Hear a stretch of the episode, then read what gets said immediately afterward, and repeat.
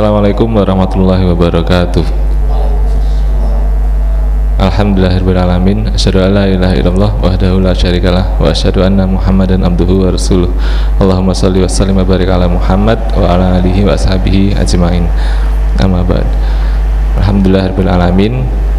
Mari teman-teman kita senantiasa bersyukur kehadirat Allah Subhanahu wa taala. Karena hingga saat ini hingga malam hari ini kita masih dilimpah diberikan limpahan nikmat hidayah karunia rizki dan segalanya sehingga kita bisa berkumpul kembali mengikuti kajian rutin Senin malam Gemah Dakwah yang insya Allah malam hari ini akan disampaikan oleh Ustadz Surahmat Anasih Salawat serta salam Mari senantiasa kita turunkan pada junjungan kita, suri dan kita Nabi besar Nabi Muhammad Sallallahu Alaihi Wasallam. Eh, teman-teman uh, sekalian, malam hari ini adalah Senin pertama dan jadwal biasanya adalah jadwal untuk kajian pemikiran ya, yang mana kita masih uh, membahas di seputar tema global pluralisme dengan subnya nikah beda keyakinan. Karena tapi karena setelah kemarin kita konfirmasi lagi ternyata Ustadz Asep e, untuk malam hari ini berhalangan maka temanya kita geser ya. Tetap judulnya nikah beda keyakinan tapi kalau kemarin itu e, beda keyakinan dalam soal akidah kita geser ke soal muamalahnya ya. ya beda keyakinan kita yakin dia enggak gitu. Nah di tengah kita sudah hadir Ustaz Rahmat uh, oh iya uh, panitia sudah menyediakan kertas. Jadi nanti teman-teman yang sekiranya punya pertanyaan dari rumah atau ada unek-unek atau apa yang mau disampaikan nanti e, bisa ditulis saja bisa dibagikan kertasnya. E, nanti dikumpulkan lagi lewat kalau yang ahwat lewat Mbak Bunga yang ikhwan nanti bisa lewat Mas Imam. Itu nanti kita bacakan dan e, insya Allah e, bisa ditanggapi oleh Ustadz Rahmat teman-teman uh, sekalian mari kita mulai kajian malam hari ini dengan baca basmalah bersama-sama. Bismillahirrahmanirrahim. Selanjutnya pada Ustadz Rahmat kami persilakan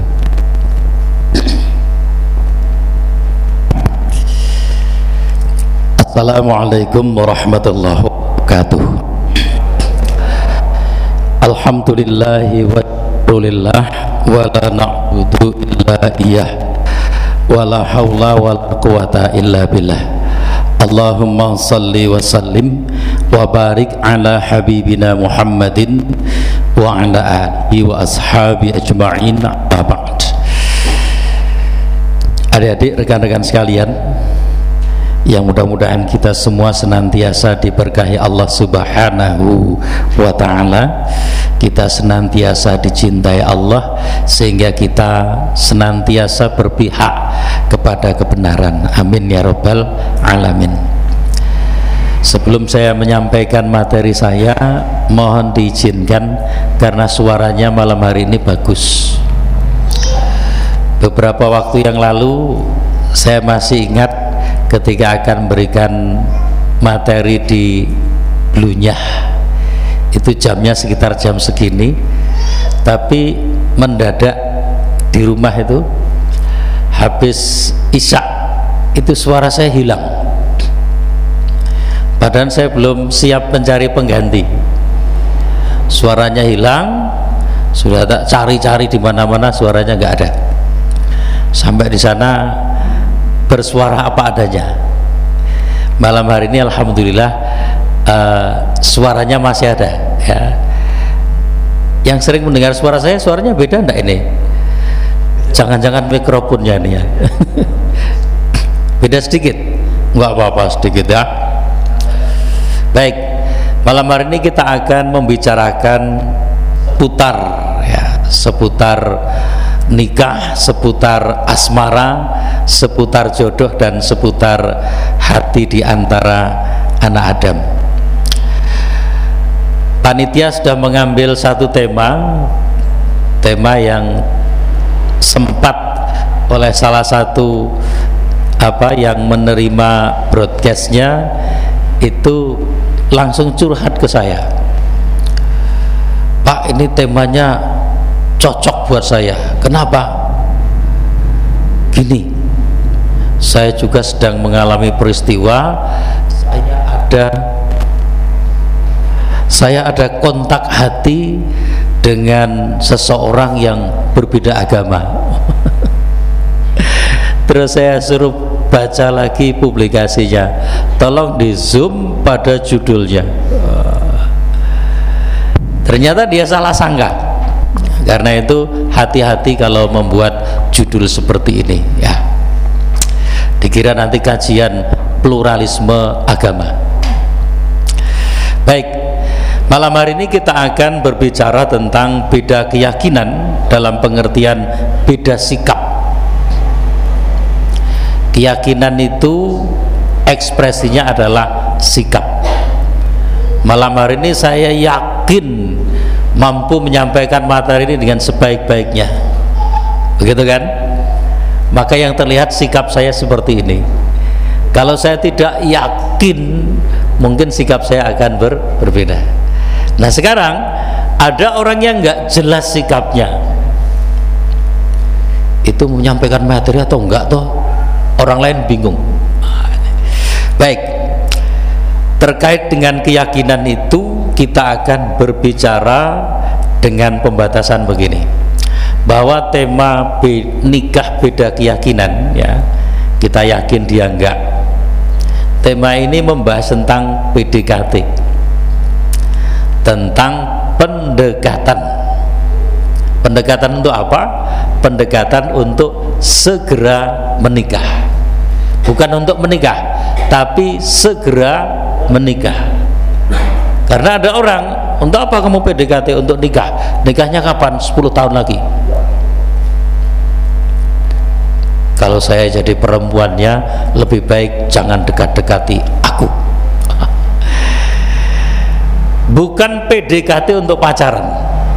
Ya, jadi di sini garis bawahnya adalah untuk segera menikah. Kalau nanti pembicaraan kita berlanjut, maka tidak boleh keluar dari areal ini. Yang namanya kita, pembicaraan apa?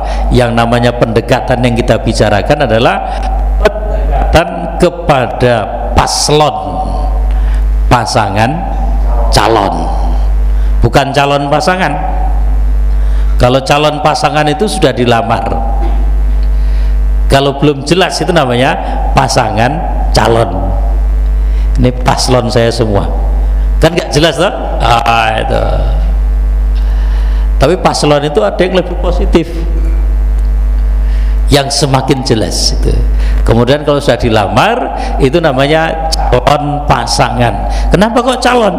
Meskipun dilamar belum tentu jadi nikah. Ya Pak ya?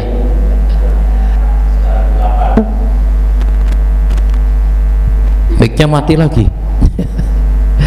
Sekarang dilamar ya disepakati nikahnya kapan? Nikahnya besok pagi jam berapa? jam 8 pagi. Tepat jam 8 kurang 5 menit diumumkan di masjid. Calon pengantin salah satunya wafat. Jadi nikah itu? Makanya masih calon pasangan.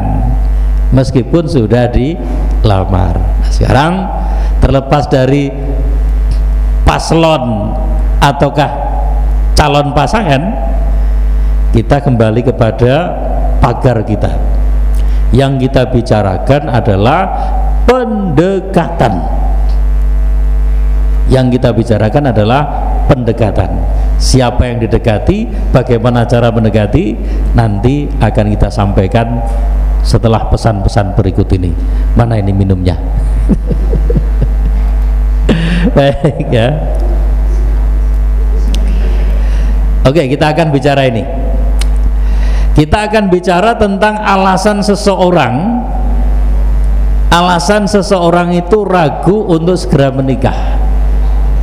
Yang kita bicarakan adalah alasan seseorang. Apakah seseorang itu diri kita ataukah orang lain? Kenapa dia ragu untuk segera menikah? Meskipun paslonnya sudah siap. Meskipun paslonnya sudah siap di satu kasus satu peristiwa tepatnya. Ini ada orang yang tanya-tanya tentang kampus Samara. Saya bilang kampus Samara itu di PDM Sleman. Tahun ini ngajinya bukan setiap Sabtu tapi setiap Ahad. Mulai kapan? mulai bulan Januari sampai bulan Desember jam berapa? asar sampai maghrib. Kemudian dia nggak sabar. Saya ngerti yang mau ditanyakan. Terus dia tanya ada enggak uh, fasilitas-fasilitas jodoh itu ada saya bilang gitu. Di sana namanya fasilitas ta'aruf. Nah itu yang dia ingin tembak. Kalau nggak ikut kajian ikut ta'aruf bisa enggak bisa. Tapi ketika sedang dalam perjalanan ta'aruf setelah ta'aruf kamu ikut kajian siap siap. Saya tanya kamu ngajukan proposal taruh untuk apa? Ya untuk dinikahi. Kalau sudah kalau sudah sekarang sama-sama oke okay, nikahnya kira-kira kapan? Ya kalau saya sudah lulus kuliah jangan taruh kenapa? Karena dia belum siap untuk segera menikah. Itu nanti dia hanya akan mengkambing hitamkan. Kenapa kamu nggak segera wisuda? Ya maklum saya harus ngurus calon pasangan saya. Nggak dewasa dia. Ya. Yang kita bahas adalah alasan seseorang kenapa dia ragu untuk segera menikah. Meskipun paslonnya sudah siap dia siap malah kita ragu. Kita siap dia ragu. Dia ragu kita ikut ragu. Ah nggak jadi semua. Oke. Karena yang kita baca yang kita bicarakan nanti lumayan agak panjang maka saya singkat-singkat. Sekarang kita akan masuk kepada uh, pola tentang keyakinan ya, pola tentang keyakinan. Ini menyangkut seseorang dengan paslonnya. Pola keyakinan. Ingat, keyakinannya adalah sikap. Sikap yang dimaksud adalah sikap untuk menentukan segera menikah. Polanya yang pertama ya yang pertama ini tidak akan jadi kenapa? karena polanya kamu yakin dia tidak saya tanya nah kamu sudah yakin mau nikah? siap kamu sudah siap apa? Ini itu ini itu ini itu. Dia nah itulah. Ah nggak akan jadi nikah. Yang kedua ini juga nggak jadi. Dia yakin. Kamu kenapa kok sekarang sembunyi? Dia ngejar-ngejar saya terus. Kenapa? Dia ngajak nikah. Dia sudah yakin siap nikah? Yakin. Apa yang dia siapkan? Kayaknya dia sudah siap semuanya. Termasuk siap menderita bersama saya. Itu lah kamu? Saya tidak. Ah. kalau dia yakin kamu tidak yang kedua juga tidak jadi. Yang ketiga kalian sama-sama tidak yakin apalagi ini. Kenapa kamu delik padahal dulu kamu kalau, kalau pengajian di depan sendiri ada yang ikhwan yang itu loh mana orang yang nggak ada? Ternyata dia delik. Loh kamu kok delik? Kenapa? Itu loh ada ukti yang di sebelah sana itu loh. Loh kenapa kamu? Saya takut. Kenapa? Karena takut dikejar dia. Dia juga takut dikejar kamu. Ya kalian sama-sama tidak yakin. Nah yang akan jadi itu kalau nomor empat kalian sama-sama yakin. Ini polanya sederhana kenapa dibuat sederhana? Jangan membuat hidup kita menjadi pelik. Ada orang itu nggak nikah-nikah karena teorinya bulat jelimet maaf rambut saya ada ubannya enggak? Nggak kelihatan? Oh gitu. Yang menjawab yang kelihatan saja ya. Mas Fahru rambut saya ada ubannya enggak yang di luar peci lah. Kalau yang dalam peci emang disembunyiin oleh peci kayaknya ada ya? Kayaknya ada. Jenggot saya ada ubannya enggak nggak kelihatan. Kayaknya anda mulai plus. Ada seorang teman itu yang jangankan orang yang min atau plus itu yang lebih dari itu pun mudah menerka dia rambutnya sulit mencari rambut hitamnya. Kalau saya sekarang usia saya tanggal 27 nanti insya Allah 51 minimal dia usianya 53 kenapa? karena dia kakaknya teman saya. Oke? Okay? anak saya enam orang. Yang paling kecil kelas 2 SMA yang baru bisa dibayangkan seberapa usianya. Ya itu artinya pernikahan saya sudah cukup. Ya bisa dikatakan lama ya? minimal 26 atau 27 tahun. Oke okay? berarti saya menikah sekitar 26 atau 27 tahun yang lalu. Seorang yang saya ceritakan ini yang rambutnya putih semua jenggotnya dikerok kumisnya dikerok. Ah sampai hari ini beliau masih jomblo. Saya masih ingat waktu itu teorinya sangat jelimet. Yang namanya perempuan yang baik adalah perempuan yang begini begini begini begini begini begini begini. Saya yakin sampai dunia kiamat tidak akan didapatkan perempuan seperti itu. Kalaupun ada belum tentu dia mau. Ya kan? Nah ini. Oke kembali pola keyakinan ini cuma sederhana. Halo? pertama kamu yakin dia tidak. Yang kedua dia yakin kamu tidak. Yang ketiga kalian sama-sama tidak yakin. Yang kita butuhkan adalah kalian sama-sama yakin. Yakin apa? yakin untuk segera menikah. Nah di sinilah perlunya ngaji. Kalau kita mau masuk yang nomor empat ini kita butuh yang namanya ngaji. Kalau nggak masuk ke nomor 4 ya nggak usah ngaji. Ya. Sebaliknya kalau kita ngaji harus sampai kepada yang nomor 4 bagaimana kita bisa salah sama-sama yakin? Itu tadi polanya ya polanya. Yang kedua adalah arahnya arah keyakinan. Arah keyakinan yang ada pada diri setiap orang. Yang pertama yakin terhadap diri sendiri. Artinya gini saya yakin saya mampu nikah. Saya yakin saya mampu menafkahi nanti kalau saya punya istri. Saya yakin meskipun saya masih kuliah kuliah saya tidak akan terhambat karena menikah. Saya yakin saya yakin saya yakin gitu. Jadi itu yakin ya arah keyakinan diri yang arahnya terhadap diri sendiri internal ke dalam. Nah di sini perlu ngaji perlu ngaji.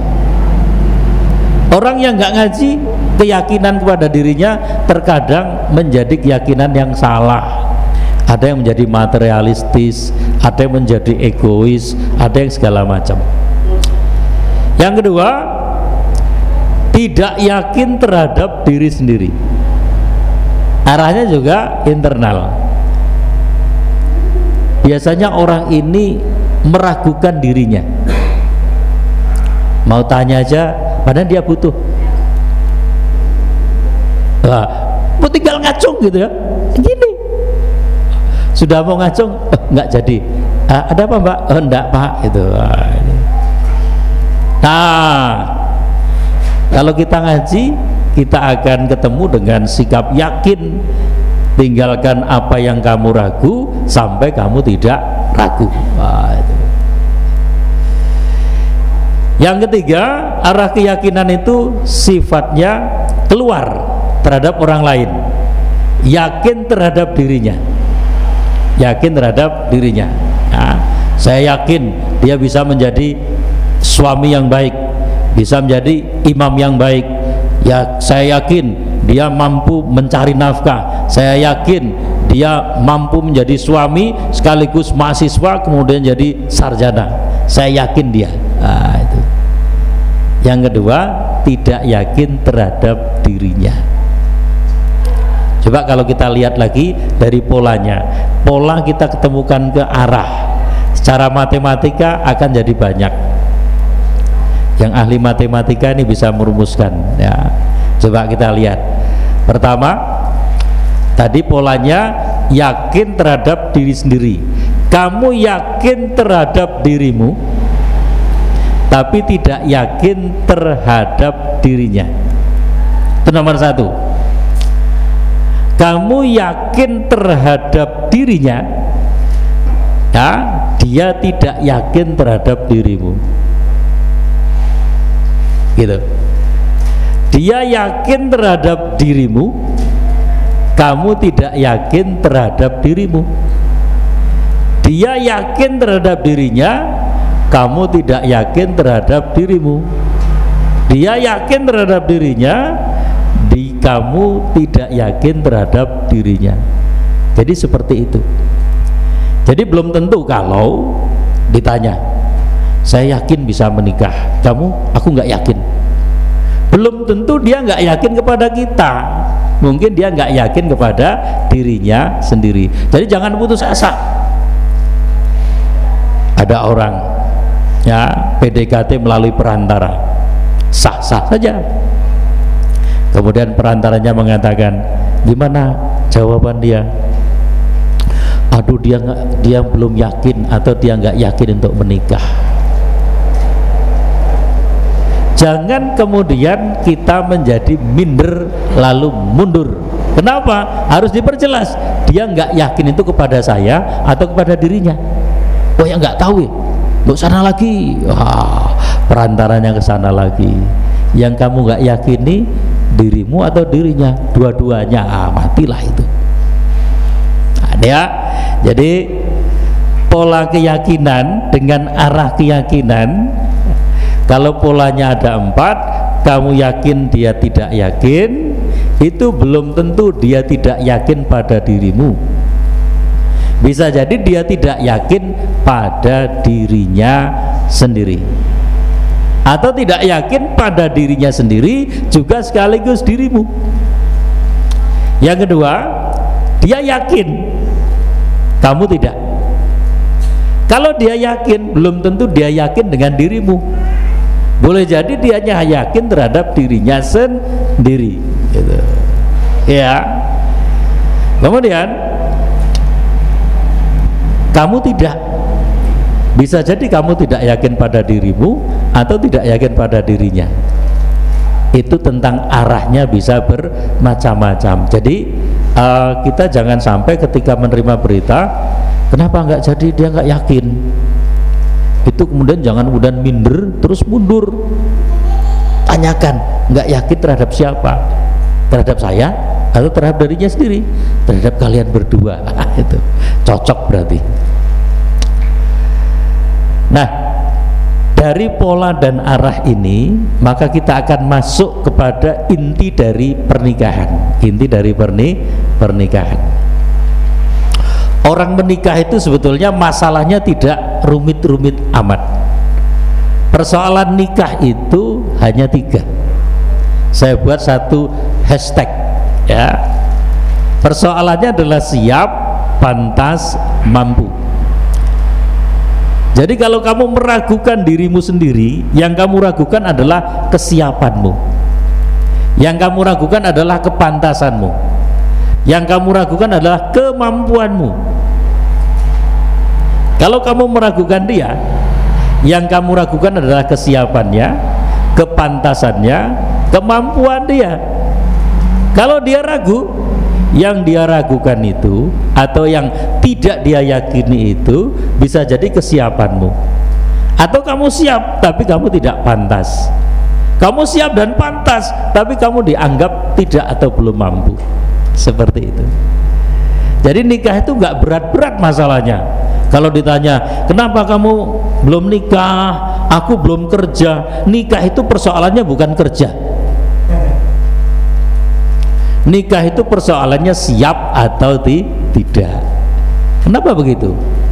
Banyak orang yang sudah kerja tapi dia kan siap nikah. Ya Pak ya? ya. Tapi ada orang yang bunuh diri belum kerja mengaku siap. Nikah baru dapat dua hari istrinya sudah ke KUA untuk apa itu ya nggak tahu lah ya jadi persoalan nikah itu sederhana ya kenapa kamu tidak ah, maaf kenapa kamu belum menikah Jawabannya satu, dua, tiga. Saya belum siap, atau saya siap tapi belum pantas. Saya sudah pantas tapi belum mampu, dan seterusnya. Nah sekarang kita bicarakan satu demi demi satu. Siap itu apa toh? Siap itu sebetulnya kalau dalam bahasa Indonesia siap itu kan sudah bersedia untuk melakukan sesuatu. Contoh gini, kalau seorang laki-laki lihat perempuan cantik, ya toh? perempuannya cantik, solihah, kaya, pinter, ya toh? Yang pasti masih hidup gitu. Ditanya kamu siap nikah dengan dia? Siap. Hmm. yang namanya siap itu belum tentu mengukur kemampuan diri. Sifatnya hanya apa? Hanya di permukaan depan. Yang namanya siap itu ketika ditawari ya itu belum masuk kepada resiko belum masuk kepada kepada resiko. Dia cuma bersedia tok. Itu ada ustadz masih jomblo. Mau enggak dengan ustadz itu? Mau. Nah itu namanya siap. Tapi ketika ditanya ketika ditanya kalau beliau menikahimu hari ini siap enggak nah itu. Ya. Jadi kesiapan itu baru bersifat uh, apa permukaan tapi paling kurang orang harus mempunyai kesiapan. Ya. kalau kesiapan aja nggak punya ya dia tidak akan menikah-nikah. Dan kesiapan ini memang harus dilatih ya. setiap kita harus terbiasa membuat satu keputusan dalam hal apa pun. Kalau ya katakan ya tidak katakan tidak kalau ditanya itu cantik tidak cantik. Itu cantik tidak tidak nah, itu. Terbiasa terbiasa ya. Menggunakan ini menggunakan ini menggunakan ini. Ini artinya apa? Hati ini artinya apa? Pikiran ini artinya apa? Kepekaan panca indera. Hadirin sekalian sekarang kita masuk kepada kalau sudah siap pantas. Kalau sudah siap kita masuk kepada pantas. Pantas itu maknanya sangat banyak ya maknanya sangat banyak. Kalau tadi siap maknanya sangat banyak. Yang apa terkait pembahasan ini cuma satu. Dia bersedia. Kalau ini pantas dia patut layak itu sesuai sepadan cocok ya kemudian yang paling mengena itu tampaknya bagian yang nomor lima. Tampak elok. Tampak elok. Begini orang itu dikatakan pantas untuk menikah. Kalau dia seorang laki-laki ya ke mana-mana naik motor. Ditanya motormu belinya di mana? Belinya di dealer anu dari mana uangnya? Dari ayahku. Ah itu belum pantas. Kenapa? Karena masih masih orang tua. Ya. Itu dikatakan laisas sabab man yakulu kana abi. Walakin sabab man yakulu hadza ana atau ha anadha yang dikatakan pemuda yang dikatakan cowok itu bukan orang yang dikit-dikit bapaknya bapaknya tapi yang namanya cowok itu adalah orang yang inilah saya. Kalaupun dia naik sepeda ontel ya inilah saya. Kemampuan saya beli sepeda ontel. Kalau kamu menikah dengan saya silakan enggak ya sudah. Hmm. bahasa sederhananya gitu ya dia nggak malu itu pakai sepeda ontel tapi dari hasil keringatnya sendiri. Kita jangan pernah heran dengan orang yang punya kendaraan mengkilap ya mengkilap tapi dia beli bensin aja belum mampu. Ke mana-mana pakai mobil itu gitu ya. Bensinnya habis wah uangnya habis. Ya, kemudian telepon mah bensinnya habis mah nah ini bukan cowok. Kalau menurut apa? Semangat tadi adalah yang namanya cowok man yakulu hadza ana. Nah itu pantas. Jadi kalau ada orang berpenampilan keren itu belum dikatakan pantas kalau dia belum bisa mengusahakan sendiri dari penampilannya itu. Jadi begini sudah pantaskah saya menikah? Kalau kita masak indomie aja masih gosong kayaknya belum pantas menikah. Ya pak ya? Loh pak kalau gosong semakin enak kan itu cuma ngeyel. Yang ketiga yang ketiga adalah uh, apa tadi siap pantas yang ketiga apa tadi mampu Sebelum kita bicara mampu, kita akan berbicara lebih jauh tentang pantas. Karena mampu itu nanti endingnya apa? Pantas itu endingnya adalah mampu. Coba kita lihat. Dalam bahasa sehari-hari ada istilah memantaskan diri. Orang bisa dikatakan memantaskan diri kalau dia itu melihat segala yang ada pada dirinya Ibaratnya orang mengatakan dia mau ngaca. Orang itu bisa melihat keburukannya kalau dia melihat pada kaca yang utuh. Yang kedua, kaca yang jernih. Orang yang dengan kaca tidak utuh, yang tampak cuma dari kepala sampai dagu, bahkan leher pun tidak. Dia merasa sangat cantik, tapi dia nggak tahu bahwa bodinya Kalau gede itu bahasa Inggrisnya apa mas? Kalau pig itu kan babi. Apa? Tadi ada yang WA dengan saya. Mosok lupa dengan anaknya pak. Kamu yang mana? Saya itu kan yang gemuk pak. Saya katakan, oh iya, gemuk is beautiful. Saya bilang begitu. Oke okay ya ada orang merasa dirinya cantik karena dia melihat dirinya secara utuh. Oh, saya gemuk gitu kan. Tapi ada orang yang tidak merasa dirinya gemuk. Kenapa? Karena nggak pernah bercermin. Ngertinya dia langsing. Kenapa? Karena pipinya tirus. Yang tirus kan cuma pipinya. Oke? Okay? Nah, ini ini kan gambaran secara fisik. Nah, coba kalau seekor semut mau bercermin dengan pada cairan madu kira-kira semut itu melihat dirinya uh, yang seutuhnya enggak enggak. Kenapa? Karena cairan madu itu bukan cermin yang bagus. Jadi kita harus bercermin pada cermin yang bagus. Ya. Supaya kita bisa melihat diri kita secara utuh. Kemudian cermin yang jernih sehingga kita tidak hanya melihat kebagusan kita kekurangan maaf tanda petik ya. Kekurangan-kekurangan kita pun kita bisa melihat. Kenapa begitu? Dengan melihat kekurangan kita akan membenahi kekurangan diri.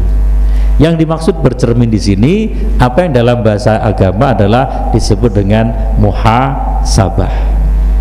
Nah muhasabah itu bukan untuk semata-mata mengagumi kelebihan diri Muhasabah yang benar itu orang selalu menemukan kekurangan dirinya. Sekarang ditemukan, dibenahi, ketemu lagi besok yang lain, benahi lagi. Nah itu kita akan menjadi menjadi pantas. Adik-adik sekalian, sekarang kita masuk kepada kalau sudah apa tadi? siap, kemudian pantas, kita masuk kepada yang namanya mampu. Mampu itu dalam bahasa agama adalah istita'ah. Memantaskan diri itu sebenarnya adalah berproses menjadikan diri kita menjadi istita'ah. Kalau tadi memantaskan diri dengan bercermin, ya bercermin itu hanya salah satu bagian dari proses dengan bercermin kita melihat mana sisi lebih, mana sisi kurang kita. Dengan muhasabah kita melihat mana sisi lebih, mana sisi kurang kita. Sekarang cermin kita siapa? Orang yang tidak pernah bergaul dengan orang lain akan menemukan kelemahan-kelemahannya sangat sedikit. Tapi orang yang bergaul dengan banyak sahabat, dia akan menemukan kelemahannya yang banyak Kenapa? Sahabat yang baik itu sahabat yang mau menunjukkan kelemahan kita. Kemudian membantu kita untuk menutupi kelemahan kita. Jadi sebaik-baik sahabat maaf sebaik-baik orang adalah orang yang mau bersahabat dengan banyak sahabat Nah sekarang sikap yang membatas-batasi diri itu sebetulnya adalah sikap yang melemahkan diri kita sendiri. Kenapa? Karena kita tidak bisa melihat kelemahan kita lebih banyak. Pada akhirnya kita akan terbelenggu oleh kelemahan kita sendiri. Maka kalau ada orang begini, saya hanya mau bergaul dengan kelompok ini. Halo? Enggak mau bergaul dengan kelompok itu ini adalah sikap yang tidak benar. Kenapa? karena mungkin di kelompok kita yang ini banyak ketahuan kelemahan kita tapi masih ada juga kelemahan kita yang belum terindra oleh kelompok ini. Mungkin kelompok itu bisa mengindra kelemahan kita. Jadi kalau kita itu mensekat-sekat pergaulan itu sebetulnya ada sisi tidak baiknya yang paling tepat tampaknya adalah kita tidak membatasi pergaulan. Akan tetapi kita bisa membuat jarak yang tepat dalam setiap pergaulan. Membuat jarak yang tepat. Dengan siapa kita harus bergaul sangat rapat.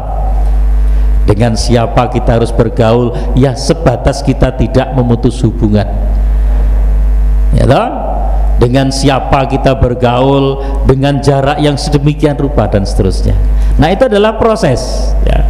proses di mana kita itu menemukan kekurangan kita melalui kebaikan orang lain yang menunjukkan kepada kepada kita. Tapi sayangnya begini kegagalan kita kegagalan kita adalah pada saat ditunjukkan kekurangan kita kemudian kita marah akhirnya orang lain ngapa es ben. Ojo kok jerawatan wudunen sak karepmu kan kita akhirnya. Nah ini kan. Kemudian setelah bercermin atau bermuhasabah siapa cerminnya? Cerminnya adalah orang-orang di sekitar kita baik sahabat, baik kelompok, baik apa pun tetapi cermin yang sangat baik adalah yang pertama orang tua kita. Saya pernah ada seorang mahasiswi itu pada waktu itu sangat intens ya suka datang ke kantor gitu uh, ya curhat segala macam. Kedatangan ketiga saya baru tak apa uh, tak tega-tegain tanya ke dia uh, maaf. Kamu kalau dengan ayahmu seakrab ini. Nah itu pak katanya. Saya itu dengan orang tua saya nggak bisa ngomong pak nah mestinya kalau dia akrab dengan saya ya, dengan orang tuanya ya setidaknya mirip-mirip itulah. Jangan sampai kita dengan orang tua malah tidak berkomunikasi. Kenapa? karena orang tua kita lah yang paling mengerti kekurangan kita dibanding orang lain. Kemudian ada kakak, adik kita dan seterusnya. Kalau sudah proses bercermin cerminnya adalah orang-orang di sekitar kita kemudian prosesnya adalah proses memperbaiki diri dan meningkatkan potensi yang sudah ada mengembangkan kelebihan yang sudah yang sudah ada Nah, sampai pada saatnya kita masuk pada tahap yang namanya istitoah. Istitoah itu apa? Istitoah itu artinya mampu dari segala sisi. Dari secara fisik kita sudah mampu, kan ada orang itu mampunya baru secara fisik, secara mental membingungi. ketika istrinya hamil bingung dia gimana nanti semakin lama semakin besar ya akan lahir ya lah iya yang namanya orang menikah itu istrinya hamil semakin lama semakin besar. Bahkan bila perlu dia berdoa ya Allah begitu hamil langsung lahir itu kan. Tapi dia malah susah istrinya hamil. Nah ini berarti dia belum istiqa'ah hadirin ukuran istitoah. Kita akan apa sandingkan dengan dua ukuran. Pertama tentang idaman. Paslon idaman. Ya. pasangan calon yang menjadi idaman menjadi impian. Coba kita lihat. Nabi Shallallahu Alaihi Wasallam itu pernah membuat satu ukuran tentang apa wanita idaman tapi sebetulnya di balik ini itu pun apa tersirat tentang laki-laki idaman. Dalam hadis ini dikatakan tunkahul mar'atu li arba'in. Seorang perempuan seorang mar'ah kenapa perempuan disebut dengan mar'ah? Karena mempunyai sifat yang dekat dengan mir'ah. Mir'ah itu apa? cermin jadi bukan perempuan kalau nggak pernah bercermin. Kita lihat ya perempuan tuh nunggu bis itu. Kayaknya aja dia lihat HP padahal dia sedang bercermin gini ya. kalau laki-laki kayak gitu kayaknya dia uh, mempunyai sifat ke kewanitaan gitu kan. Kalau laki-laki itu diraba aja ah udah selesai. Kalau perempuan itu ya lipstick itu dalam satu jam itu membenahinya mungkin lebih dari 15 kali. Kok Pak Rahmat tahu cuma ngarang aja? Kan mungkin gitu kan? Tapi kayaknya iya ya kayaknya iya. Bagi yang senang berlipstik kayak gitu. Padahal dibenahi nggak dibenahi dari tadi posisinya kayak gitu. Coba yang pakai jilbab itu ya pakai jilbab. Ujung jilbabnya seperti ini. Dikit-dikit dibetulin. Padahal dibetulin nggak dibetulin posisinya sama ini bukti bahwa dia perempuan. Kenapa? karena almar'ah itu kalmir'ah. Perempuan itu seperti cer cermin. Tunkahul mar'ah. Dinikahi seorang perempuan itu li arba'in. Karena empat hal. Karena empat aspek. Lima liha karena aspek hartanya atau aspek materinya. Jadi salah kalau ada orang mengatakan kamu materi. Kenapa? karena kamu tertarik dia karena orang kaya. Bukan materi karena dia orang normal. Ya Pak ya? iya. Kenapa kamu suka cowok itu? karena dia anak orang kaya. Kamu normal itu kamu perempuan yang normal. Jangan kemudian cewek matre cewek matre lagunya siapa itu? Iwake ya. Ya? Oh Neo ya, tak kira Iwaka. Luar biasa nih. Kamu lahir tahun berapa toh? Oh 94, pantesan tahun Neo. Kalau lubang di hati lagunya siapa? Toledo luar biasa ya. Oke kita teruskan. Yang pertama tentang hartanya. Yang kedua yang kedua wali hasabiha hasab bermakna nasab. Nasab itu keturunan. Jadi gini kenapa kamu suka laki-laki itu? Karena bapaknya aja ustad. Nah, jangan kemudian dibilang nikah aja sama bapaknya. Jangan gitu. Karena memang dia tertarik dengan uh, keturunan apa orang yang baik gitu. Menurut dia ustadz adalah orang yang baik. Kenapa kamu nikah dengan perempuan itu? Wah ibunya aja guru kimia. Nah, kan. Mungkin dia impiannya itu punya istri yang cerdas di bidang IPA misalnya begitu. Ya toh? Nah jadi tentang keturunan ya jangan sampai kita mengatakan begini yang kamu nikahi itu dia atau ibunya? Bukan ya. Ini terkait dengan memilih keturunan yang yang baik. Memilih orang dari keturunan yang baik. Dan setiap orang mempunyai penilaian tersendiri terhadap baik itu. Yang ketiga adalah wali jamaliha. Jamal itu bukanlah paras tapi karakter. Karakter. Karakter itu begini. Saya ingat itu siapa yang apa uh, masih muda yang kemudian dia membumingkan hijab-hijab kreasi. Siapa itu?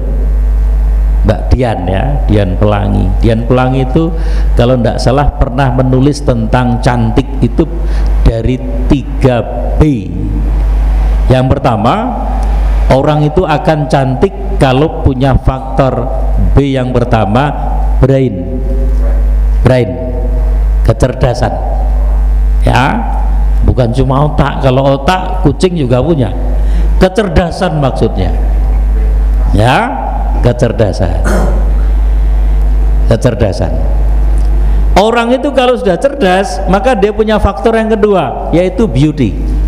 Cantik cantik orang itu kalau cerdas kelihatan cantik kok tapi kalau ngah-ngoh tahu ngah-ngoh ah jadi kalau kalau kamu ditanya gini, Mbak maaf Mbak, rumah Pak RT sebelah mana? Oh, itu rumah Pak RT 1, itu rumah Pak RT 2, itu rumah Pak RT 3. Yang Anda cari Pak RT berapa? RT 16. Ah, RT 16 sebelah sana. Ya toh? Orang akan berpikir, subhanallah perempuan kok cantiknya begini. Kenapa? Karena cerdas.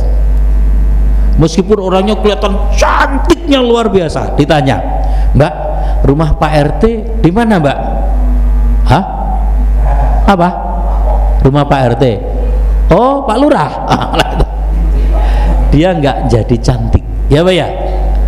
Kalau dia cerdas maka dia cantik.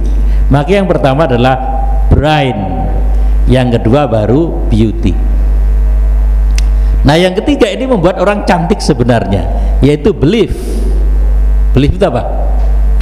keimanan ya punya iman orang yang beriman pasti cantik orang yang beriman pasti tampan kalau nggak percaya coba kita lihat Imam Al-Bukhari, Imam Muslim itu meriwayatkan hadis tentang cantik dari iman. Man kana yu'minu billahi wal yaumil akhir falyakul khairan aw liyasmut.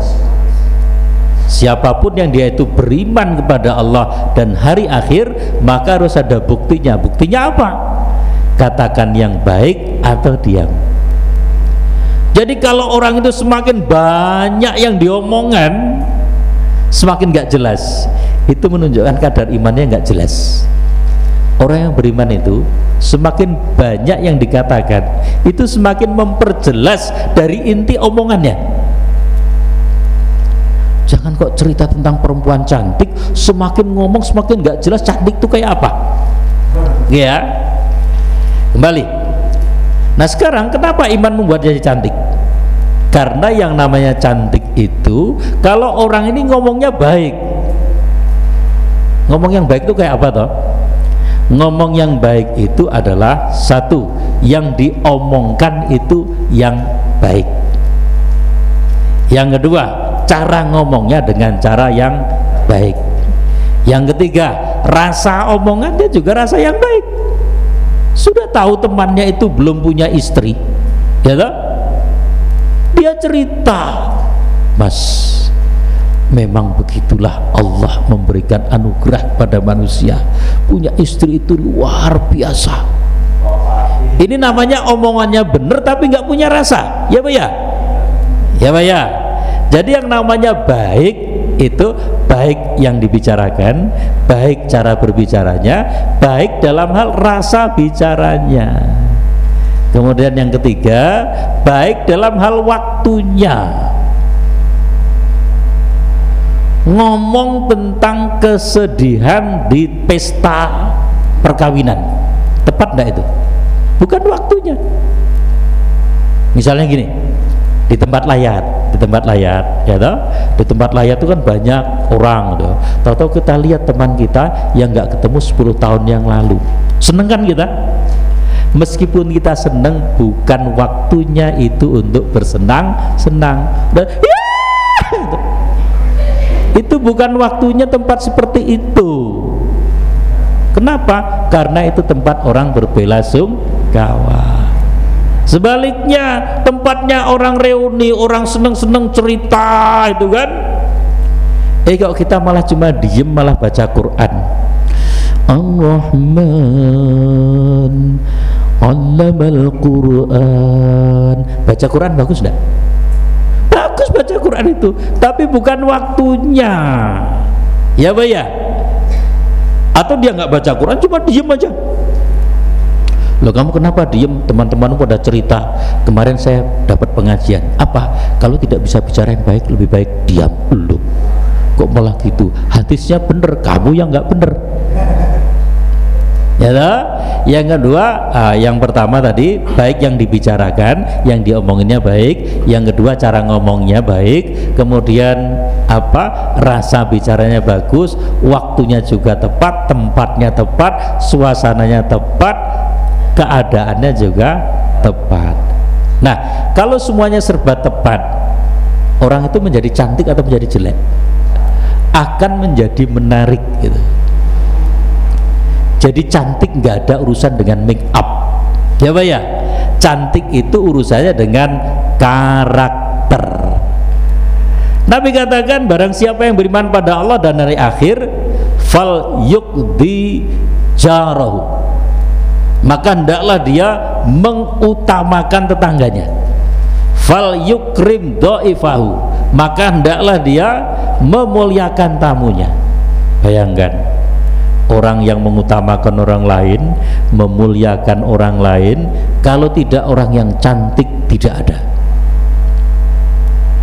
Sudah tahu ada tamu dia cuek meskipun make upnya 3 cm tebalnya jelek. Ya ya? Nah, cantik di sini adalah pada karakter. Ya, kalau kamu ditanya, kenapa kamu suka dengan cewek itu? Subhanallah, aku kemarin lihat di jalan itu, sebetulnya dia mau buru-buru eh motornya disandarkan di pinggir jalan kemudian dia uh, ke tengah jalan kenapa menghampiri nenek tua yang mau nyebrang kebingungan? Kenapa kok menghampiri? Ya mau menolong lah emang mau jambret? Kan nggak mungkin? Nah yang disukai dia adalah karakternya. Kalau yang cantik rupa saja banyak. Kenapa? Karena setiap perempuan pasti rupanya cantik. Nggak ada perempuan yang tampan. Ya kan? Nah, ini. Yang keempat adalah walidiniha karena faktor agamanya. Fatfar bidatid taribat yadak. Maka pilihlah dia karena faktor agama itu taribat yadak taribat. Akan menjadi tertiblah yadaka tanganmu. Apa artinya tangan menjadi tertib? Apa kemudian duduk kayak anak SD gini? Kan enggak. Tangan itu adalah bahasa simbol dari semua perbuatan dan tanggung jawab kita. Artinya kalau kita dahulukan karena faktor agama, maka tanggung jawab kita akan menjadi selesai. Hisap kita menjadi ringan dan seterusnya. Nah, sekarang gini. Kalau perempuan itu dinikah karena faktor itu, maka jangan pernah seorang laki-laki dia menikahi perempuan yang memenuhi kriteria itu kalau dirinya pun tidak memenuhi kriteria tadi. Jadi kalau hadis ini mengatakan perempuan itu dinikah karena empat faktor, nah perempuan itu juga begitu. Kamu menerima lamarannya karena empat faktor itu. Pak gimana kalau cuma satu faktor? Satu faktor adalah yang tidak boleh tidak faktor agama. Jadi terpaksanya hartanya nggak dapat, kemudian keturunannya nggak dapat. Jangan pernah tentang karakternya tidak dapat terlebih jangan pernah tentang agamanya tidak dapat ingat orang itu kalau beriman niscaya cantik bahkan baru cerdas saja kelihatan cantik. Apalagi kalau dia ber, beriman. Nah hadirin sekalian kemudian untuk memproses ke sana proses menuju istitoah tadi. Ada namanya langkah perdana langkah yang awal. Kalau saya pasang foto ini foto ini sudah lama saya pasang. Sebelum ada isu akan dilarangnya celana cingkrang loh itu celananya kok nggak cingkrang pak? Apa karena ada uh, wacana untuk tidak boleh pakai celana cingkrang di kantor? Bukan. Ini sudah lama gambarnya kayak gini ya. Saya ambil karena lihat kayaknya langkahnya bagus itu ya gesturnya bagus. Langkah yang perdana untuk menjemput apa pasangan idaman tadi. Kita kembali tentang yakin tadi. Orang tidak akan melangkah kalau dia tidak yakin betapapun perempuannya selangit gitu kan memenuhi semua kriterianya tapi dia tidak yakin pada dirinya sendiri maka dia tidak akan pernah me melangkah. Nah langkah pertama itu adalah langkah tentang tujuan. Pastikan tujuan baik kita laki-laki maupun kita perempuan harus punya tujuan. Tujuan yang apa yang harus ada? Pastikan bahwa tujuan kita untuk menikah. Kalaupun mau ditambah ya nikah yang legal. Karena sekarang ini termasuk anak-anak muda ya itu ada yang mulai terjebak kepada pengertian yang benar tapi salah. Zaman Nabi itu nikah tidak harus ada buku nikah. Zaman Nabi itu nikah tidak ada buku nikah. Benar kan? Tapi kalau diterapkan ini itu menjadi salah. Kemarin seorang bapak sepulang saya ngisi kajian beliau me-WA saya. Intinya pertanyaannya bagaimana cara menyelesaikan perceraian nikah siri? Jawaban saya diselesaikan secara siri. Lah ya kalau legal diserahkan secara legal. Kalau siri secara siri. Gimana caranya pak? Ya saya nggak tahu. Dulu kamu nikahnya gimana? Nah setelah saya pojokkan itu baru saya jawab. Nikah siri hanya bisa dilakukan oleh laki-laki. Ah kok nikah siri? Apa? Cerai itu dalam nikah siri hanya bisa dilakukan laki-laki. Laki-laki ini perempuan. Oke? Okay? meskipun si perempuan ini mengatakan mas ceraikanlah aku mas. Kalau sudah cerai kamu tak kasih uang 3 miliar. Kalau laki-laki nggak mau mencerai tidak pernah terjadi per perceraian. Ya pak ya? Tapi kalau nikah legal ketika pernikahan sudah tidak bisa dipertahankan lagi bahasa mentoknya itu sudah per, perkawinan apa yang nggak punya masa depan sama sekali si perempuan minta cerai tidak dicerai-cerai dia bisa ke pengadilan agama. Bisa cerai. Oke? Okay? nah sekarang adil yang mana? Kembali ke pertanyaan orang tadi. Saya katakan itu yang mau cerai perempuannya atau laki-lakinya? Perempuannya pak. Siapa perempuannya? Adik saya. Nah nanti saya mau tanya tentang kenapa dulu nikah siri. Tapi sebelum saya tanya saya jelaskan dulu. Kalau adik anda itu minta cerai kira-kira suaminya mau mencerai enggak? Jawabnya begini dulu pak nikah sirinya itu lewat seorang ustadz. Bukan itu masalahnya suaminya mau menceraikan tidak? Nah ini. Jadi nikah siri itu kalau terjadi masalah itu bertambah-tambah masalah.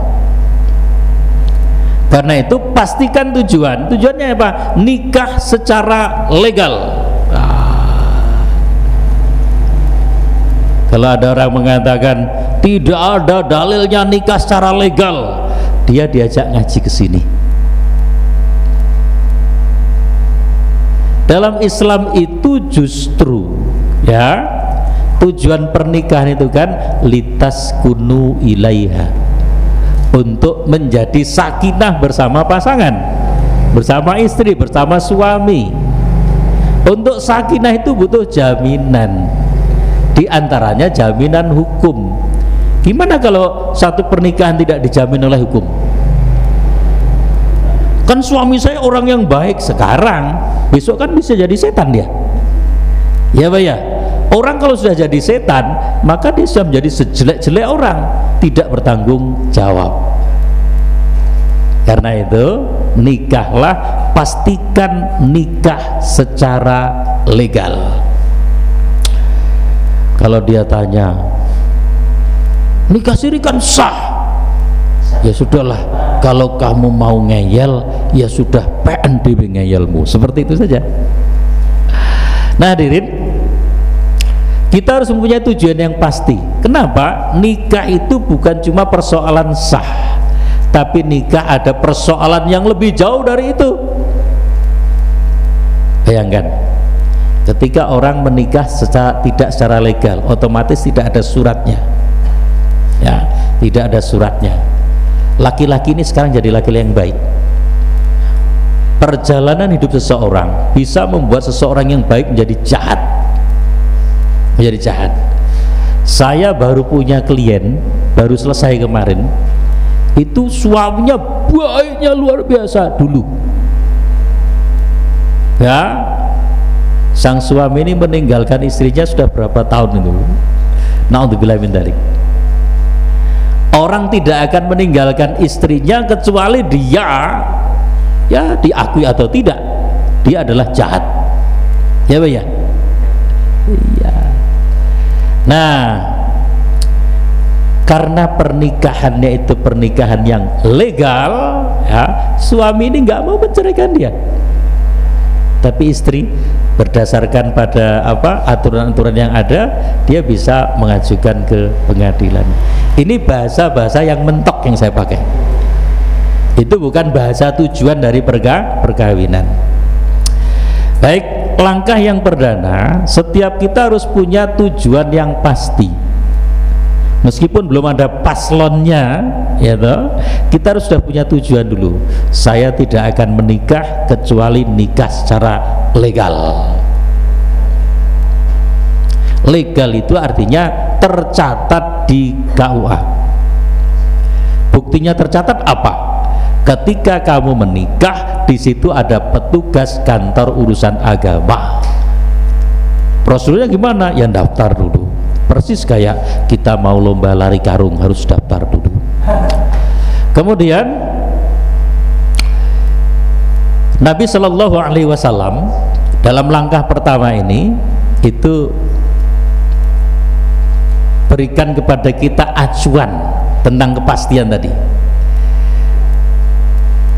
Ya maksyar sabab ini Imam Al-Bukhari meriwayatkan hadis ini wahai sekalian pemuda manis tato'a minkumul ba'ah man siapa pun istito'a minkum yang dari kalian itu sudah istito'ah istito'ah itu artinya mampu ya. mampu dalam hal apa? mampu dalam hal ba'ah ba'ah itu artinya menghidupi mampu menghidupi.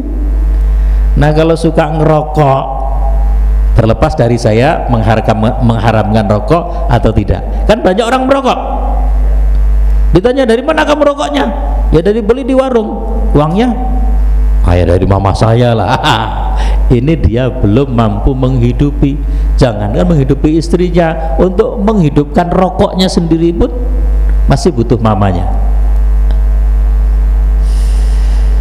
Jadi Islam itu mengajarkan kepada kita mandiri sejak dini.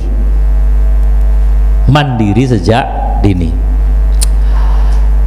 Kalau kita sudah mampu dalam hal ba'ah fal yatazawwaj maka coba kita lihat hurufnya fal yatazawwaj ada huruf fa ada huruf lam fal lamnya itu apa memberikan pengertian kewajiban.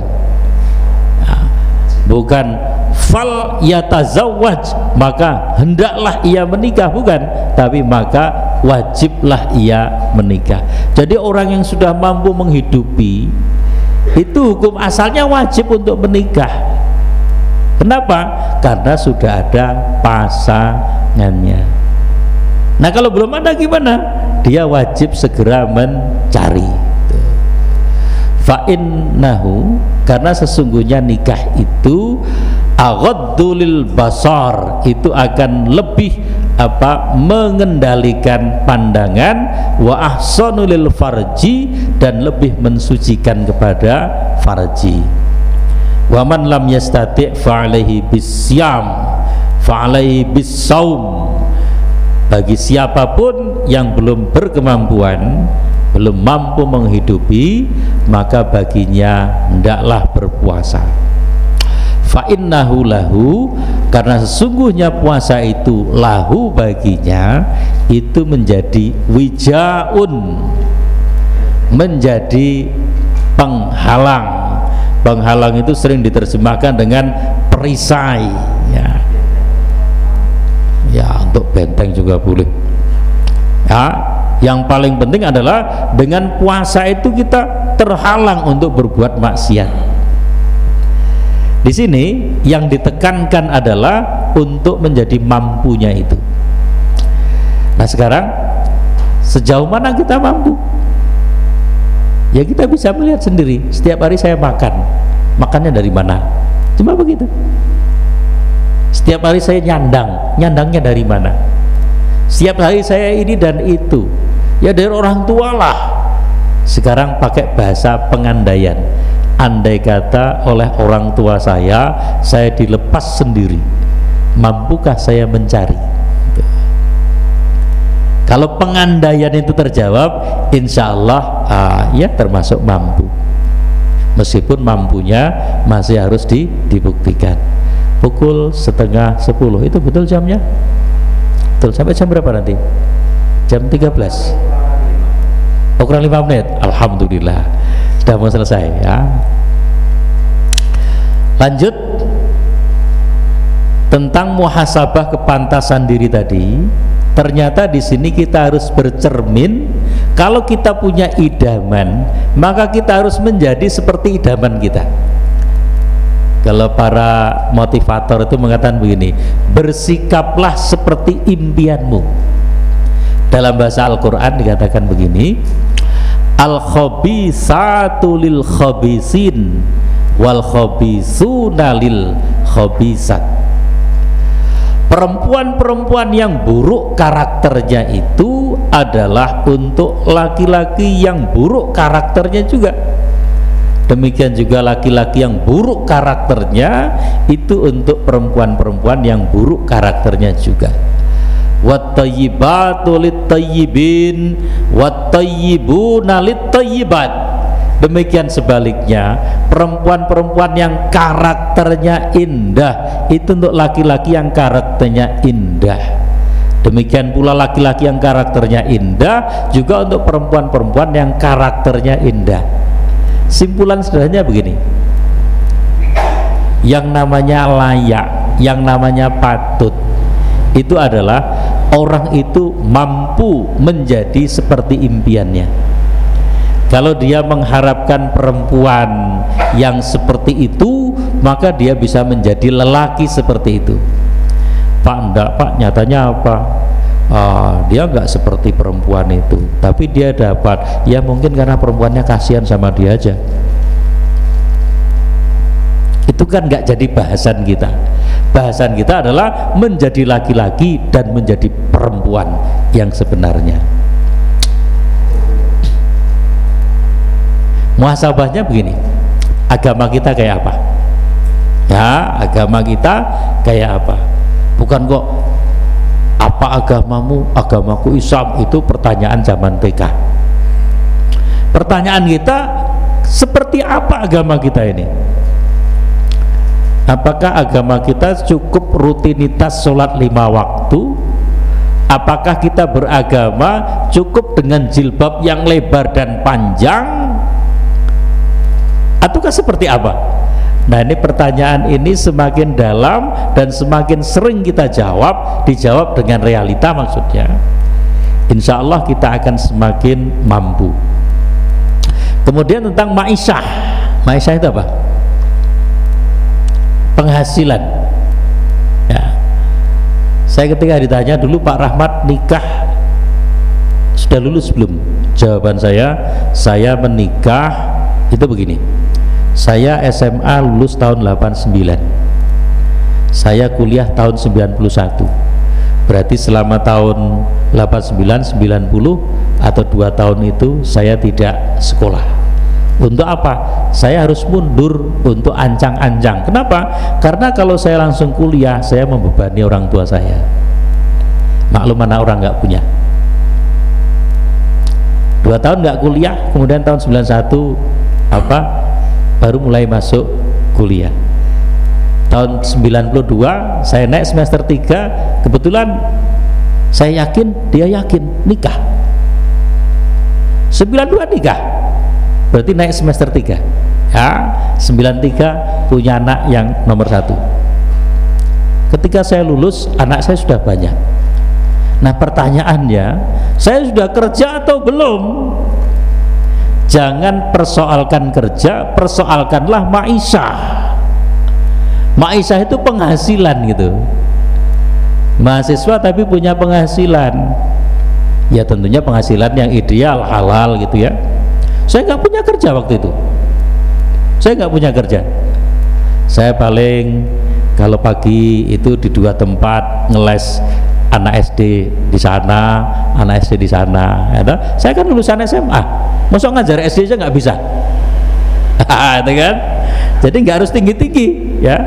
Kalau mau jadi guru les, kita anak SMA yang ngajar SD. Jangan anak SMA ngajar SMP, nanti malah pacaran. Nah itu ya. Jadi nggak punya kerja, nggak punya kerja saya, tapi punya penghasilan. Saya masih ingat uh, di daerah mana ya? Nitian, di daerah Nitian, itu saya punya murid yang satu kelas 2, yang satu kelas 5 yang kelas 5 itu Mbak Yunya yang kelas 2 itu adiknya laki-laki setiap saya datang kalau ndak padu kerengan itu itu ini yang ngasuh dua anak ini tantenya karena orang tuanya nggak tahulah di tempat lain begitu. Nah waktu itu saya uh, saya telateni dua anak ini saya berhenti kenapa? Karena ternyata saya tertarik ke tantenya. Wah nggak bisa boleh nih nggak boleh seperti ini. Saya akhirnya uh, mengundurkan diri. Kenapa bukan karena saya tidak cocok dengan tantenya. Kalau kejadiannya seperti itu berarti saya tidak profe profesional. Nah, pindah lagi ngeles di mana itu kan? Yang penting kita punya pengha penghasilan. Kalau dulu ya dulu itu ngajar TPA juga ada ada maisahnya. Sekali datang dulu seribu rupiah. Sekarang sekali datang berapa? 15 15 apa 15 ribu? Di TPA mana itu? oh gitu. Kalau di sini berapa mbak? di sini berapa TPA nya? di sini sukarela ya. Oke okay, ngajar TPA jadi Maisa. Kemudian apa? Uh, kalau saya ceritakan nggak enak ya. Saya itu mulai berceramah itu kelas 2 SMA berangkat sekolah. Putih abu-abu gitu kan? Berangkat bareng teman saya roknya abu-abu bajunya putih. Kalau lewat tuh tindak Pak Rahmat. Itu wah SMA dipanggil Pak. Teman saya bilang rabe nak karo kuwi ngopo? Dadi tuwa. Gitu kan. Oke? Okay? nah jadi kita sudah terbiasa dengan kehidupan-kehidupan yang real yang real. Kalau ditanya kamu siap nikah? Siap. Sudah kerja? Kerja itu apa dulu? Ya kan? pertanyaannya sudah punya maisah ataukah be belum? Ini. yang ketiga adalah nasab. Nasab. Nasabmu kayak apa? Nasabku nggak jelas no problem. Yang penting nasibmu. Bedanya nasab dengan nasib apa? Kalau nasab itu garis keturunan kita nggak bisa milih saya dilahirkan oleh apa? Yang nenek moyang saya itu anu seorang nabi. Nabi Adam. Ya iyalah ya. Yang kau serius banget ya ngomong. Jadi misalnya saya punya mbah ya. Mbah saya seorang petani. Saya nggak bisa menolak. Itu namanya nasab tapi kalau nasib kita harus ciptakan nasib itu bukan garis keturunan tapi garis keberuntungan. Keberuntungan garis keberuntungan setiap saat bisa kita ubah. Kita mau beruntung lebih beruntung jauh lebih beruntung itu tergantung kita. Nah sekarang gini karakter kita. Karakter itu bisa diubah. Nah, karakter itu bisa diubah lebih tepatnya bukan diubah dikembalikan. Kenapa? Karena kita lahir Nabi katakan kullu mauludin yuladu alal fitrah. Setiap yang lahir setiap anak itu lahir dalam keadaan fitrah. Fitrah itu artinya karakter asal yang positif.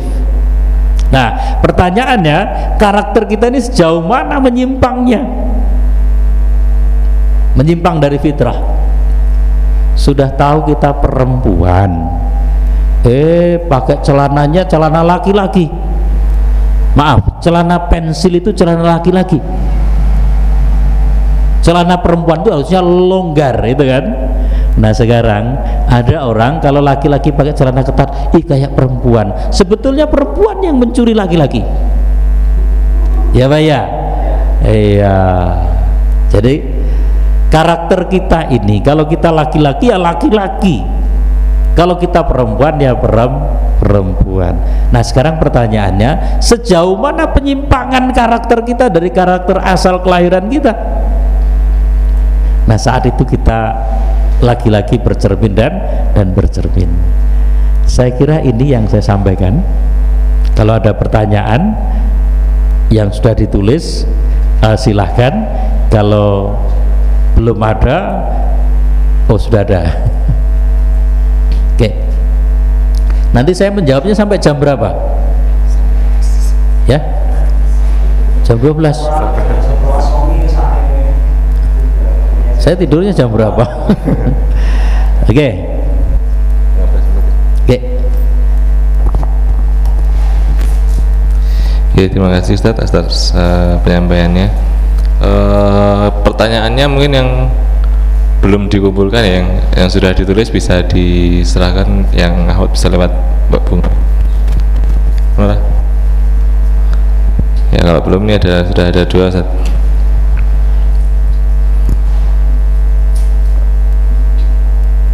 Nah, ini yang pertama bagaimana cara meluruskan niat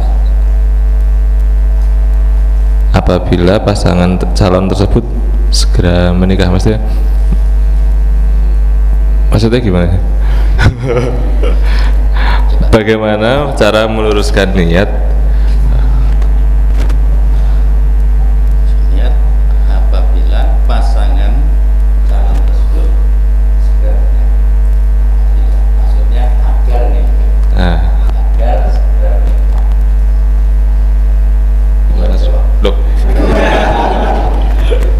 Karena aku yang baca, kamu yang jawab. Jadi gini ya, maksudnya gini, bagaimana cara meluruskan niat, ya toh, agar paslon tersebut segera yakin agar segera menikah. Jadi gini, dulu kita pernah berbicara tentang yang namanya takdir dan jodoh.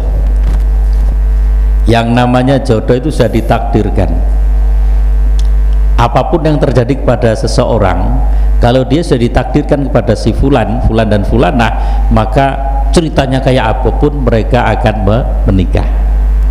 Karena tidak dikatakan jodoh kalau tidak menikah. Apakah nikahnya di dunia ataukah di di surga? Bukan di akhirat. Kalau di neraka kan nggak ada nikah. Di surga ya? oke. Nah sekarang tentang niat itu jangan pernah kita merasa takut berniat yang baik. Wah nggak mau niat yang baik. Kalau lurus-lurus sesuai dengan syariat nanti saya nggak dapat. Hmm. kita mendapat itu bukan dari usaha kita. Kita mendapat karena memang sudah ditakdirkan oleh Allah. Lalu untuk apa kita berusaha gitu kan? Usaha kita dimulai dari apa? Uh, ini duit ya. Ini duit. Ini ikhlasun niyah. Mengikhlaskan niat. Yang kedua D nya itu doa usaha ikhtiar tawakal. Ini duit. Ikhlas sunniyah doa usaha ikhtiar tawakal. Untuk apa semuanya tadi kalau Allah sudah takdirkan kita. Jadi kita sudah melakukan ini duit tadi ternyata kita nggak jadi. No problem. Lamalah kita jadi dengan yang di sana. Oh nek ngerti ngono rasa berusaha. Salah. Karena kita akan pulang kepada Allah akan ada yang kita bawa.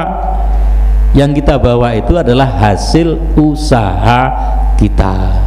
Baik usaha dalam bentuk niat yang ikhlas baik dalam bentuk doa ataukah usaha itu sendiri ataukah ikhtiar maupun ta tawakal kita itu akan berbuah tiga hal. Yang pertama buahnya adalah pahala. Semua kebaikan sekecil apa pun itu berpahala. Yang kedua adalah barokah artinya apa? pahala itu tidak hanya berhenti sampai pahala dia akan berkembang menjadi kemanfaatan yang lain. Itu barokah nah yang sangat penting adalah yang ketiga ridha. Karena kita akan pulang itu dipanggil oleh Allah dengan panggilan ya Tuhan nafsul mutmainnah. Eh jiwa yang tenang. Irji'i ila rabbiki pulanglah kepada Tuhanmu radiyatan dengan rela mardiyah dan diri dai.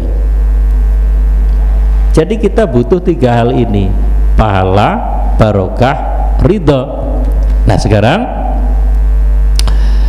niat tadi fungsinya untuk apa? Ya jangan takut berniat yang lurus. Kenapa? karena semakin lurus niat kita semakin tinggi pahalanya semakin besar barokahnya semakin besar peluang ridha Allah kepada kita. Sebab kita baru niat meninggal dunia. Ya toh? niat meninggal dunia kita sudah mendapatkan apa pun. Jadi jangan takut untuk niat yang yang lurus. Nah sekarang pertanyaannya Bagaimana cara meluruskan niat tadi? Cara luruskan niat tadi kan kita punya komunikasi ya komunikasi. Kalau laki-laki dan perempuan sering komunikasi malah jadinya jelek. Jadinya jelek. Pakai media. Medianya bukan chattingan. Akan tapi sering-seringlah diajak ke pengajian. Besok ada kajian loh di mana sana gitu kan caranya gimana? Ketika dia datang kamu tanya Ustadz saya punya calon. Jangan malu-malu. Ya, saya punya calon. Mana orangnya? Rahasia. Jangan bilang mana orangnya? Ah itu sedang ceramah. Jangan. Ya kan? Dia itu ragu-ragu. Gimana saya memahamkan dia? Gitu, gitu ya jadi pakai komunikasi dikomunikasikan. Karena setiap orang mempunyai apa ya uh, tabiat yang berbeda-beda. Yang paling pasti ya jangan takut untuk berniat yang selurus-lurusnya setulus-tulusnya. Kenapa? karena dengan begitu kita sudah mendapatkan semuanya sebelum jodoh itu diberikan pada kita. Gitu berikut tak bacain aja. Tak bacain aja. Dan nanti yang yang jawab saya wis. Bagaimana caranya ya mensi menasehati orang yang sedang jatuh cinta? Saran saya orang jatuh cinta itu jangan dinasehati. Dia seperti pendukung seorang calon presiden. Sulit dinasehati karena sudah cintanya mah mati bahkan buta. Ya Pak ya? Ya. Yang sedang jatuh cinta dan memberitahu bahwa paslonnya bukan orang yang baik. Loh apa hak kita mengatakan paslon oh, bukan orang yang baik loh? Kan? Apa hak kita? Oh dia saudara oke. Caranya begini ya Oh, belum selesai pertanyaan ya. Sebab biasanya orang yang sedang jatuh cinta tidak suka dinasehati. Kan aku sudah bilang tadi jangan dinasehati. Aku malah diomongin di bawah ini. Oke ya, caranya gini. Yang namanya orang sedang jatuh cinta itu seperti kalau kita memberitahu anak kecil sedang penean. Oke? Nah, ya kita apresiasi dulu dong gelora cintanya wae tenan kalah aku. Aku wae sing umur semene iki urung entuk aku wis entuk loro kan itu. Dan seterusnya dan dan seterusnya. Diawali dari situ. Diawali dari dari situ. Kenapa? Karena kalau dia tidak didukung mana mungkin kita bisa berbicara dengan dengan dia. Satu hal.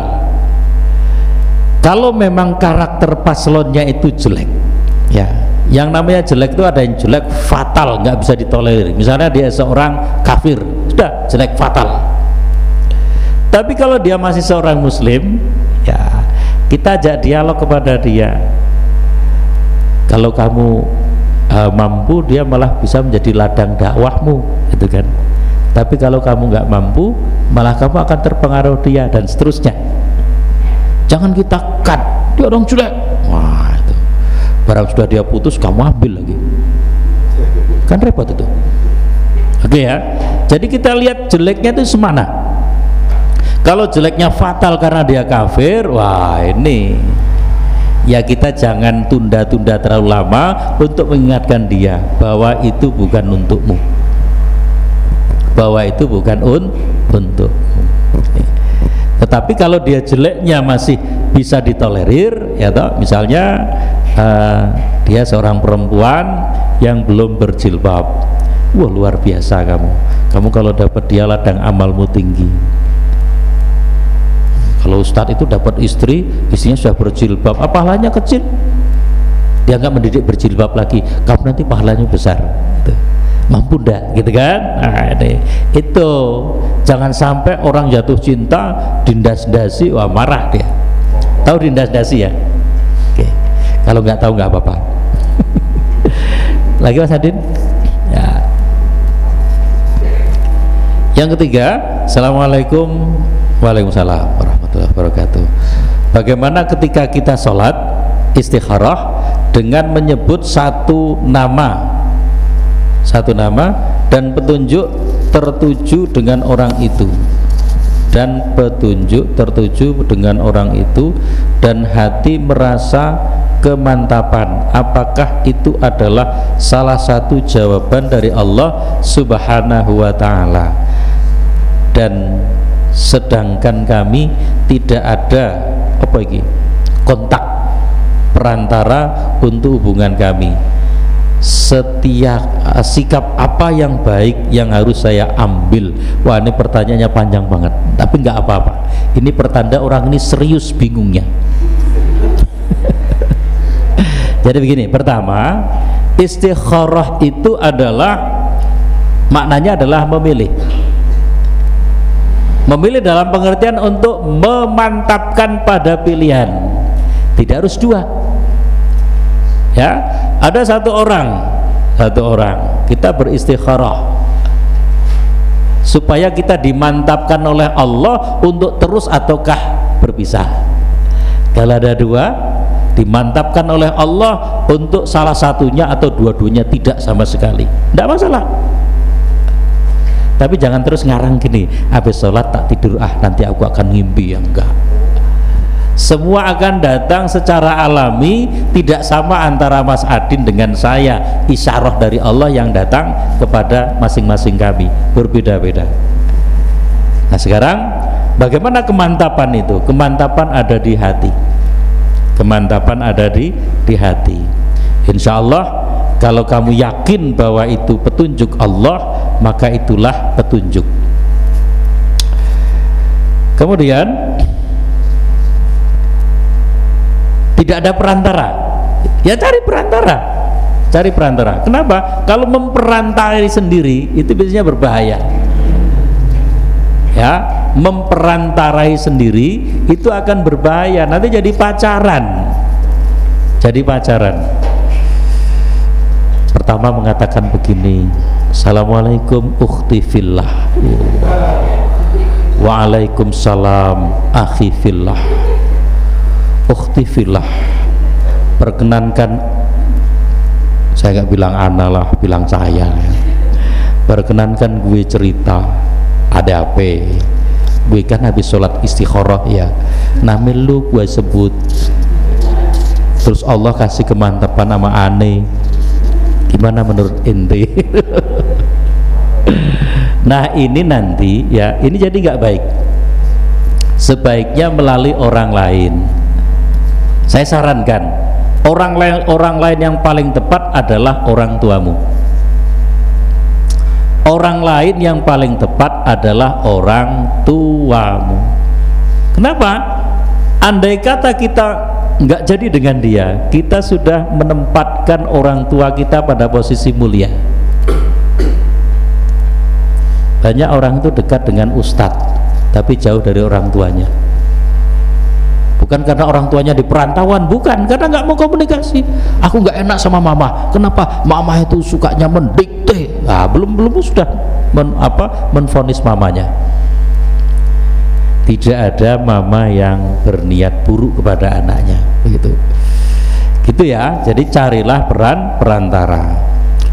Kalau memang perantara yang kamu percaya seorang ustadz seorang guru ya tidak masalah anjuran saya saja andai kata pun itu tetaplah jangan tinggalkan mama dan papamu.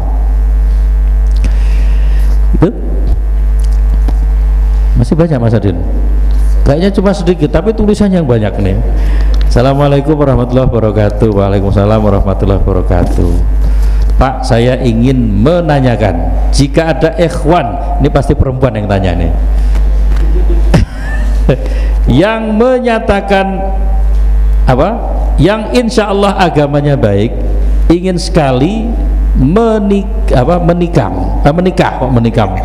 Tetapi dia ragu dengan pekerjaan atau penghasilan yang dia punya.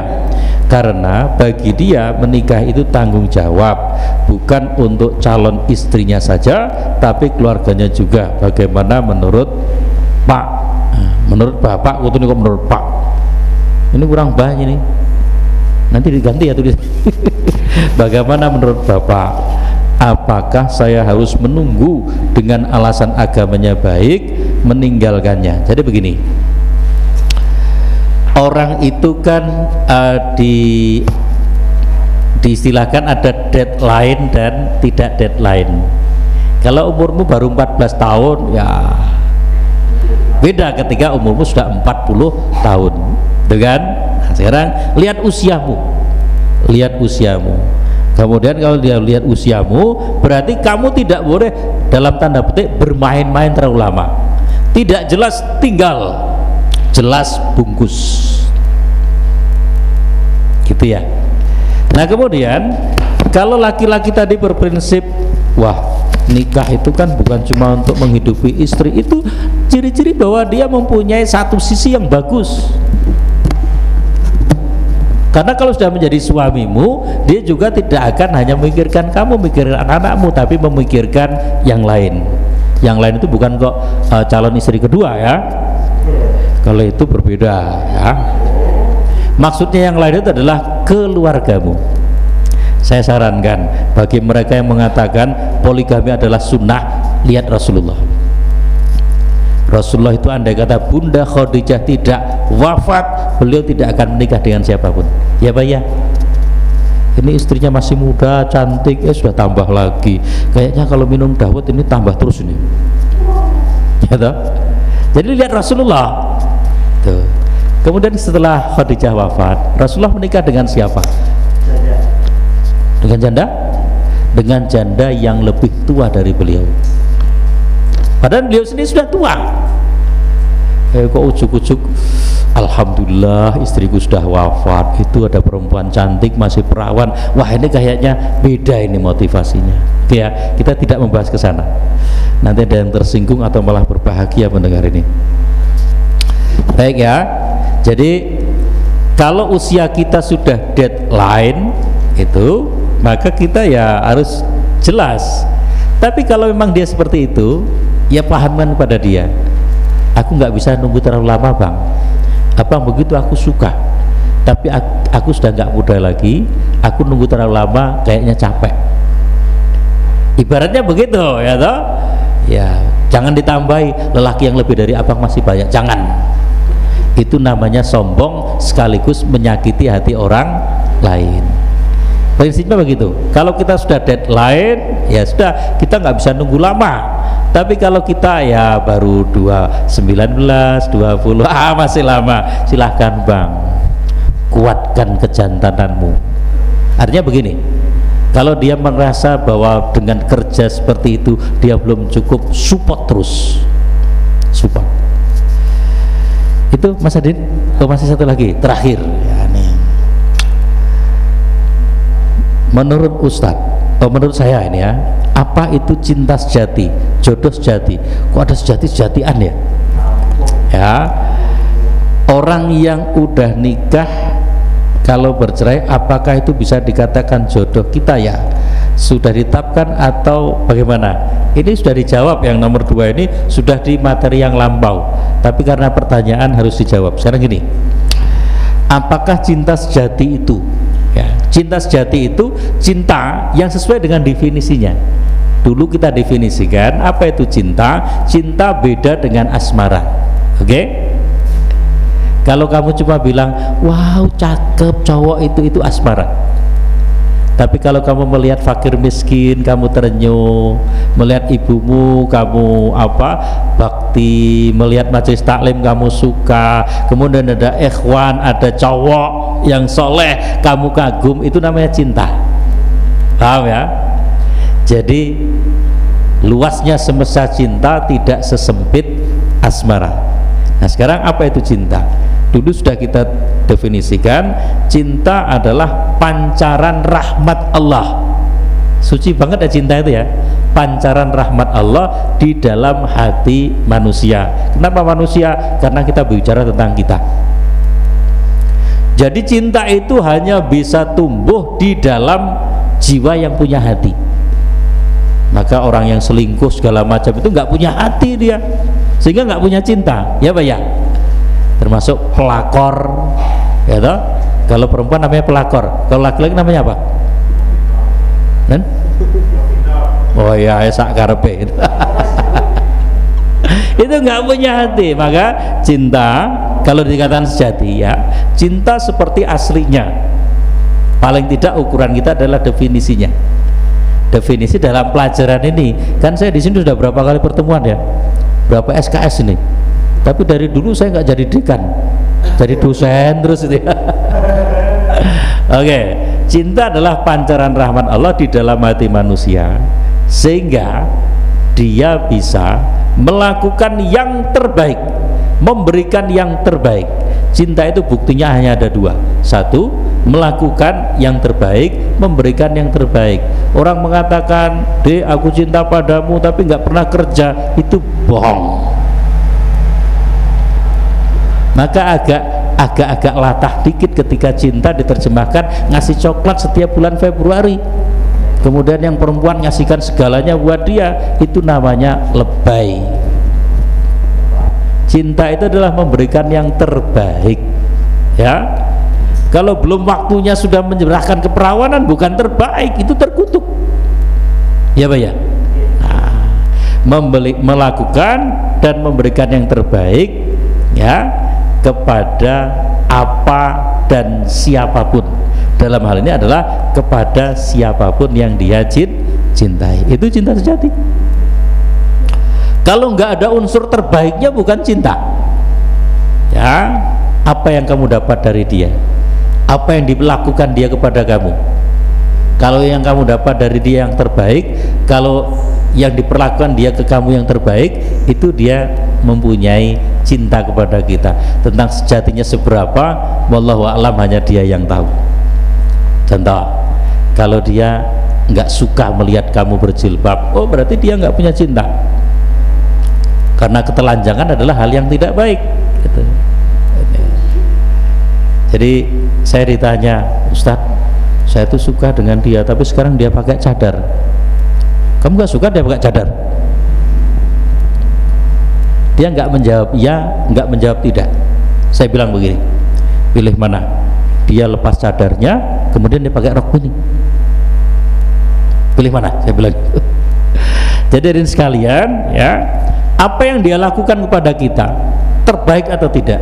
Apa yang pernah dia berikan pada kita terbaik atau tidak di situlah cinta atau bukan. Nah sekarang jodoh yang sejati. Kok pakai sejati tuh ya? Semua jodoh itu sejati. Kenapa? Kalau ada lagunya BCL itu kan? Sehingga siapa pun insan Tuhan pasti tahu cinta kita sejati. Yang sejati itu cuma cinta. Kalau jodoh jodoh itu memang sudah ditakdirkan ya. Terus pertanyaannya begini kalau orang menikah kemudian cerai apakah jodoh? Iya. Karena ciri-ciri jodoh itu nikah. Sehingga dulu ya, pernah kita bahas jodoh itu ada empat tipologinya. Satu jodoh putus di dunia tadi pagi nikah malam ini cerai Tadi pagi nikah, seminggu kemudian cerai, sebulan kemudian cerai, setahun kemudian cerai. Pokoknya sebelum meninggal sudah cerai. Itu namanya jodoh terputus di dunia. Yang kedua, jodoh hanya di dunia. Mereka nggak pernah bercerai sampai dengan maut memisahkan mereka. Tetapi selama hidup sinyalnya nggak sama. Yang laki-laki suka rajin tahajud tapi istrinya rajin dugem. Ketemu di surga enggak nanti? enggak nah kalau nggak ketemu di surga ya sudah cintanya selesai saat apa kok cintanya? Jodohnya selesai saat itu. Nah kemudian ada jodoh yang hanya di surga. Ada seseorang yang sampai akhir hayatnya belum menikah tapi kalau dia seorang yang soleh atau soleha di surga dia akan dinikahkan dengan apa? Sosok yang disucikan. Dia menikah di sana. Kalau menikah berarti jodoh. Berarti memang dia ditakdirkan jodohnya di di surga. Nah tipe yang keempat itu adalah jodoh dunia sampai surga mereka menikah di dunia karena mereka soleh dan soleha masuk surga Allah ketemukan di sana. Hum wa azwajuhum fi dhilalin alal araiki muttaqiun mereka bersama dengan pasangan mereka ada pada sandaran-sandaran yang luar biasa di dalam surga. Jadi pertanyaannya kalau orang cerai jodoh enggak? Jodoh yaitu jodoh pada tipologi yang yang pertama. Gitu mbak yang bertanya? Yeah. uh, ini yang bisa saya sampaikan mudah-mudahan bermanfaat. Lebih kurang mohon maaf. Billahi taufik wal hidayah. Assalamualaikum warahmatullahi wabarakatuh. Alhamdulillahirrahmanirrahim uh, sangat jelas pemaparannya dan menarik sekali. Uh, mudah-mudahan bagi teman-teman yang masih dalam perjalanan untuk menemukan jodohnya diberikan kemudahan dan bisa segera menikah. Dan yang sudah jangan macam-macam. Ya gak usah aneh-aneh. Sudah malam mari kita tutup kajian malam hari ini dengan membaca Alhamdulillah bersama-sama. Alhamdulillah Rabbil Alamin. Kurang lebihnya mohon maaf. Assalamualaikum warahmatullahi wabarakatuh